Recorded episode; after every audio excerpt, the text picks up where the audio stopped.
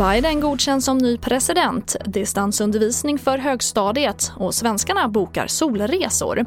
Ja, här är TV4-nyheterna som börjar med att USAs kongress nu formellt har godkänt Joe Bidens seger i presidentvalet och Trump säger att han kommer lämna över makten på ett fredligt sätt den 20 januari trots att han motsätter sig valresultatet.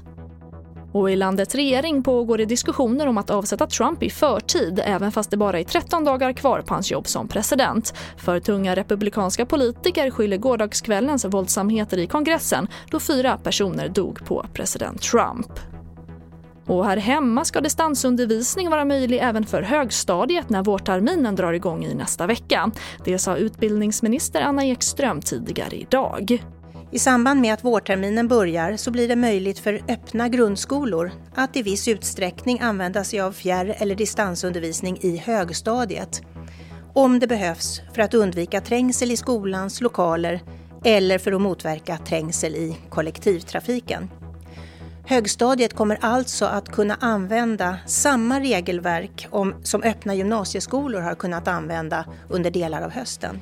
Innan fjärr eller distansundervisning tas till som åtgärd behöver skolans huvudman först ha konstaterat att övriga åtgärder inom ramen för det ordinarie regelverket är uttömda. Och hittills har 40 000 personer vaccinerats mot covid-19 i Sverige enligt Läkemedelsverket. Rapporter om misstänkta biverkningar är framförallt milda lokala symptom vid injektionsstället och vanliga reaktioner som uppkommer när immunförsvaret aktiveras. Och i februari väntas fas 2 av vaccineringen komma igång. Och vi avslutar med att nu har svenskarna börjat boka semesterresor igen och enligt resebranschen beror det på den påbörjade coronavaccineringen.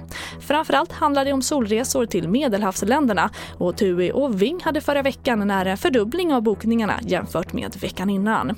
Och det var det senaste från TV4 Nyheterna. Jag heter Charlotte Hemgren.